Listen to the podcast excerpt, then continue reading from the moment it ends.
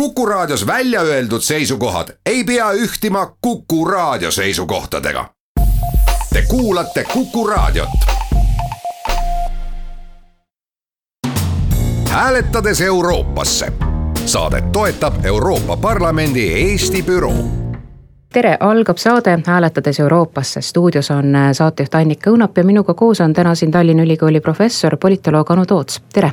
tere Euroopa Parlamendi valimiste päevani on äh, tänase seisuga jäänud täpselt kakskümmend päeva, kuid äh, juba kümne päeva pärast on äh, võimalik hääletada eel- ja e-hääletamise kaudu.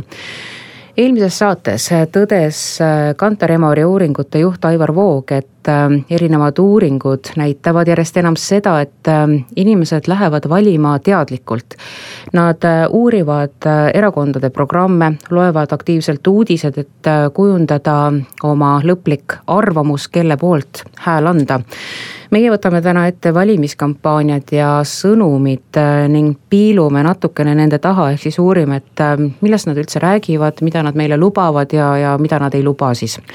aga esmalt ähm, olgugi, et tõesti inimesed ähm, aina enam oskavad äh, teadlikult oma häält anda, siis selle üheks tahuks on ka see, et äh, Euroopa Parlamendi valimistest võivad Eestis saada sellised protestivalimised, protesti hääletamine ja umbusalduse avaldus valitsuskoalitsioonile. mida teie sellest arvate, kas nii võib minna?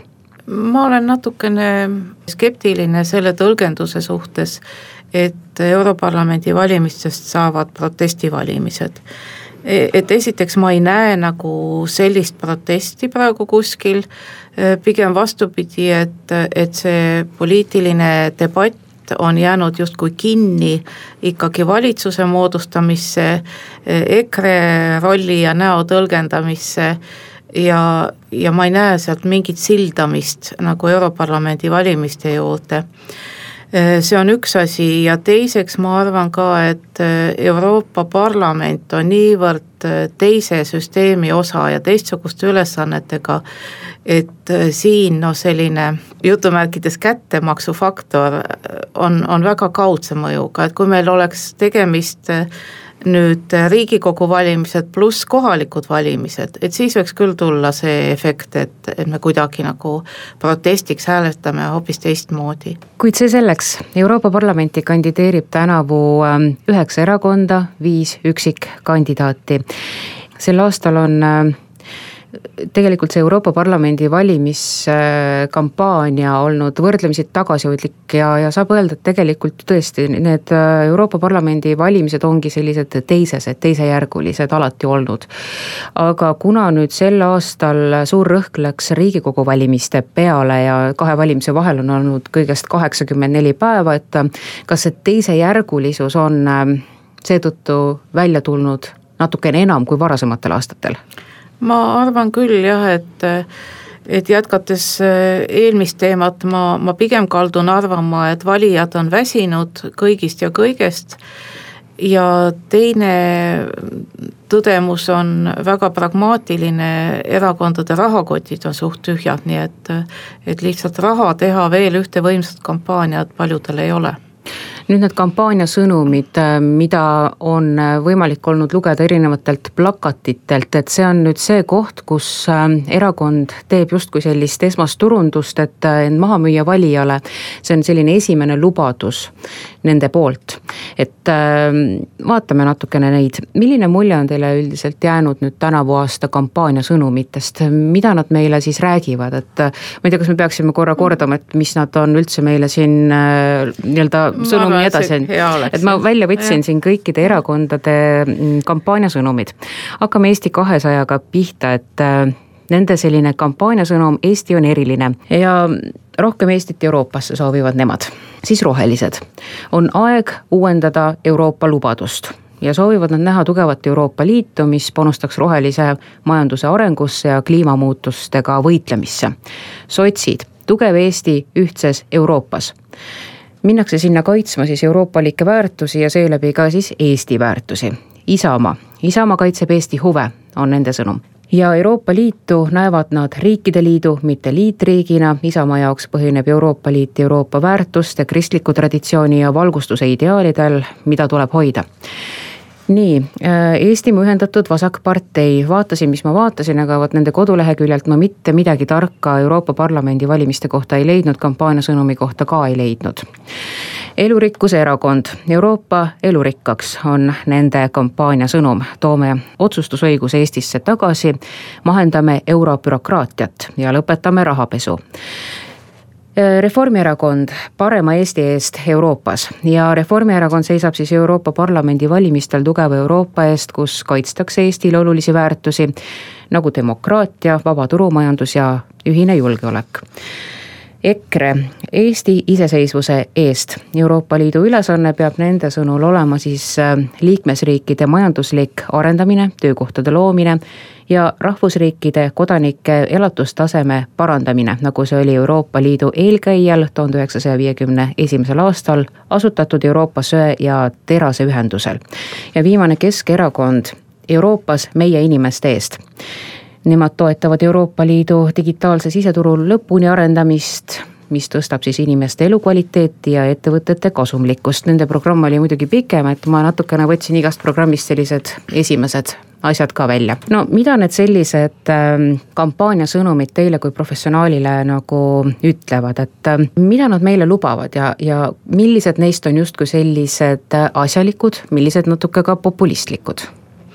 Eks siin on kõiges natuke igat asja, et ma arvan, et selline üldine joon nendel äh, loosungitel või, või põhisõnumitel on kindlasti väärtuspõhine ja see on äh, seatud niimoodi, et ta kõnetab või sobib igale Eesti valijale, sealhulgas ka venekeelsele valijale.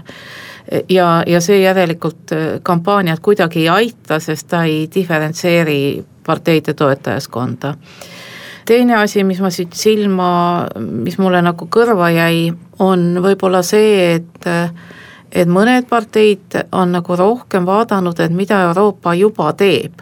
et nagu see roheliste äh, sõnastus, et uuendame Euroopa lubadust, et see on otsetõlge ju inglise keelest, European promise ja ja eesti keeles ta kõlab natukene veidralt, aga noh, iseendast see näitab, et, et rohelised on nagu palju innukamad õppima kui need vanad ja suured parteid, kes võtavad lihtsalt mingid oma vanad, vanad laulud välja ja, ja lähevad nendega jälle.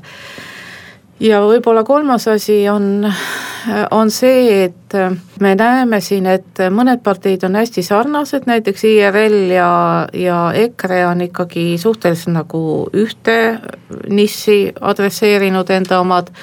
Ja, ja teisest küljest näiteks Keskerakond on nii-öelda ära napsanud Reformierakonna põhilise tegevusvaldkonna ehk siis ühtse digituru nii et, et noh, siin sellist äh, nagu mängimist ja võib-olla üksteise õrritamist on, on natuke ka. aga kui küsida, et, et kas sellest kõigest on kasu nüüd hääletajale, siis ma pean paraku ütlema, et, et ei ole teeme siinkohal väikese pausi ja kohe jätkame pärast väikest reklaami just selle poolega, et äh, mida sellised kampaania sõnumid tavakodaniku jaoks tähendavad ja kas need üldse midagi tähendavad. hääletades Euroopasse saadet toetab Euroopa Parlamendi Eesti büroo oleme tagasi Hääletades Euroopasse stuudios ja täna on külaline Tallinna Ülikooli professor, politoloog Anu Toots ja me räägime Euroopa Parlamendi valimistest ja kampaania sõnumitest, mida on siis üks või teine erakond oma kampaania sõnumiga valijale justkui nagu lubanud, sest kampaania sõnumid on selline esimene turundusnipp, kuidas valijat haarata või siis kas üldse haarata. nüüd eelmise saate poole lõpp lõpus ütlesite välja, et tegelikult need äh, sõnumid, mis siis on äh, noh, kas siis tänavu aasta või siis üldse need sellised kampaania sõnumid. kas nad üldse loevad ühele tavakodanikule, kui palju tavakodanik nendest nagu midagi saab või siis tähele paneb? no ma arvan, et äh, ega valimislubadused ei ole midagi, mis vahetult transformeeruks poliitikaks ja Euroopa Parlamendi valimiste puhul kehtib see reegel veelgi jõulisemalt. et tegu on ikkagi väga suure otsustuskoguga, seitsesada viiskümmend üks parlamendisaadikut, kus Eestil on siis kuus inimest hääletamas, nii et kui me juba neid numbreid nagu mõtleme, siis me saame aru, et nagu üleliia optimistlikuks ei maksa minna. et ma mäletan, et Eesti kakssada tuli siin vähemasti sõnades välja lubadusega teha Euroopale restart. et noh, isegi kui nad saaks ühe häälega sisse, siis ikkagi see on täiesti utoopiline uskumus ja, ja võib-olla rohkem tasukski mõelda ka valijatele, et mida Euroopa Parlament, mis küsimusi ta otsustab ja kas Euroopa Parlament on see nii-öelda otsustusprotsessi süda ja kuigi seda viimast on püütud äh, väga palju noh, nii-öelda parandada ja Euroopa Parlamendi rolli suurendada, siis tegelikult otsustamine käib ju hoopis Euroopa Nõukogus ja sinna kuuluvad erinevate liikmesriikide valitsuste oma valdkonna ministrid. nii et, et selles mõttes tee Euroopasse äh, käib täpselt sama palju läbi äh, vabariigi valitsuse ja noh, see on võib-olla üpris keeruline konstruktsioon, aga tegelikult peaks küsima nendest tänastelt väga värsketelt ministritelt, mida sina hakkad tegema Euroopa Nõukogus, kuidas sina hääletad, milline on su seisukoht ühes või teises küsimuses. ja mulle tundub, et see väga oluline aspekt on, on täiesti nagu välja kukkunud Eesti avaliku meedia väljalt kuid et valija teeks oma sellise targa otsuse, see siis tegelikult ju eeldab ikkagi seda, et ta teab, kuidas käib Euroopa Liidus see otsustusprotsess ja, ja kuidas töötab Euroopa Parlament. mis te arvate, et kui teadlik see Eesti inimene, Eesti valija sellest tegelikkuses on? Ehm, jah, neid uuringuid on tehtud Eurobaromeetri kaudu, aga need on väga-väga sellised noh, lühikesed või, või napid ja minu mälu järgi ka juba tükk aastat aastaid tagasi, aga ma, ma küll kuidagi ei julge jagada Kantaremaari optimismi, et, et valijad on väga teadlikud ja väga ratsionaalsed. et ma ei ole isegi veendunud selles, et kas enamik Eesti hääletajaid teab, et Euroopa Parlamendi saadikud on koondunud põhiliselt noh, parteide või ideoloogiate järgi, mitte riikide järgi. ja, ja jällegi nagu sedapidi mõeldes eh, on minu meelest kõige huvitavam areng praegu Euroopa Parlamendi valimistega seoses see, et kas parempopulistlikud parteid loovad oma Europarlamendi fraktsiooni tõenäoliselt nad seda teevad ja siis peaks nagu vaatama, et kui palju hääli nad saavad ja kellega nemad hakkavad koostööd tegema, sest noh, isegi kui kuus Eesti saadikut kõik hääletaksid üheskoos, nad ei saa seda teha ilma suurte fraktsioonideta. mida need kuus saadikut reaalselt siis mõjutada lõpuks saavad? noh, nad saavad eh, teha saadikutööd oma fraktsioonis ja nad saavad teha saadikutööd oma komisjonis ja nad saavad teha saadikutööd raportööridena ja noh, loomulikult igaüks hääletab ka individuaalselt ja võib juhtuda, et, et need kuus häält on väga otsustavad. põhiline on ikkagi see kuluaaritöö, täpselt nii nagu Riigikogus aga nüüd, kui me kampaaniate juurde tagasi jõuame, et ähm, kui oluline on äh, näiteks ähm, kampaania tegemine sellises olukorras, kus ähm, tegemist on niinimetatud isikuvalimistega ja kus rolli mängib selline sümpaatia ja varasemad tehtud teod või siis tegemata teod, et mm, on ju teada sedagi, et äh, saadikute selline pileti Euroopa Parlamenti võib maksta näiteks ähm, viissada eurot või siis äh, parlamendisaadik võib sinna ka saada viiekümne tuhande eurose kampaania tulemusena, kuigi kohad on ju võrdsed see on, ma arvan, et päris hea küsimus, et kas see on pigem nagu konkreetse kandidaadi kampaania või partei kampaania. ja võrreldes jällegi Riigikogu valimistega, siis kindlasti siin see üksikpersoon on domineerivam. et kui me mõtleme näiteks sotsidele, no küsitlusuuringud ütlevad, et Marina Kaljurand on kõige populaarsem. et ma arvan küll, et, et paljud valijad tajuvadki Marina Kaljuranda kui, kui persooni, kui poliitikut ja vähem mõtlevad sellele, et, et see on sotside nimekiri, see on sotside nimekiri, kelle poolt ma hääletan ja selles nimekirjas on esinumber Marina Kaljurand. nii et, et siin on see isiku roll tähtsam ja ma arvan, et, et ka tulemust mõjutab palju rohkem see, et kuidas see inimene teeb kampaaniat ja kuidas tema välja paistab võrreldes sellega, et, et kui palju siis partei teeb kampaaniat. kohati tundub, et äh, just äh, see, et mõni isik äh, kandideerib erakonna nimekirjas, tõmbab seda isiku populaarsust justkui natukene alla ja, ja siinkohal on võib-olla üksikkandidaatidel teatavad eelised no see võib nii olla, aga võib ka mitte olla, sellepärast et jällegi valimissüsteem, mille alusel hääli loetakse, on ikkagi nimekirjasüsteem. ehk äh, iga kandidaat, kes on üles seatud partei nimekirjas, saab tuge häälte lugemisel või häälte kokku rehkendamisel oma parteilt. Aga kui sa oled üksikkandidaat, siis sul ei ole kellelegi toetuda, et sa, sa oled üksi võitled iseenda eest ja, ja kõik, mis sul on, on sinu enda saadud hääled. aga nüüd äh, võib-olla lõpetuseks selline küsimus, et ähm, millest üldse siis lähtuda oma valiku tegemisel, kui me räägime valijast ja, ja kui me räägime Euroopa Parlamendi valimistest, et äh, kas siis oma valiku tegemisel lähtuda lihtsalt sellisest äh, sümpaatiast või on siin mõistlik siiski natukene kuidagi teaduslikumalt läheneda sellele protsessile? Ma siiski läheneks inimlikust perspektiivist, mitte teaduslikust, see, see teaduslik perspektiiv, see ajab hulluks. Ja, ja kui mõelda, et millist, millist inimest võiks Euroopa Parlamenti valida, siis tegelikult hea poliitiku omadused on väga universaalsed ja need ei olene tema ideoloogilisest äh, suudumusest või, või platvormist.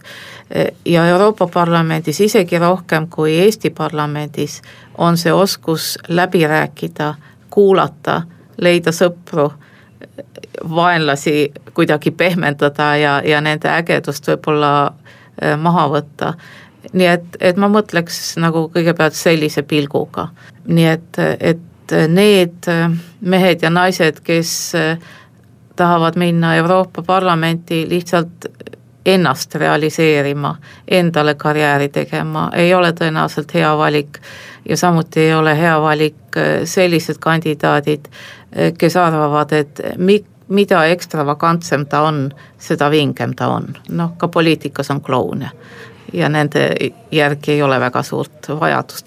aga selge, et tänaseks äh, lõpetame, stuudios olid äh, saatejuht Annika Õunap ja minuga koos Tallinna Ülikooli professor, politoloog Anu Toots. suured tänud, et tulite. järgmine Hääletades Euroopasse saade on eetris juba nädala pärast.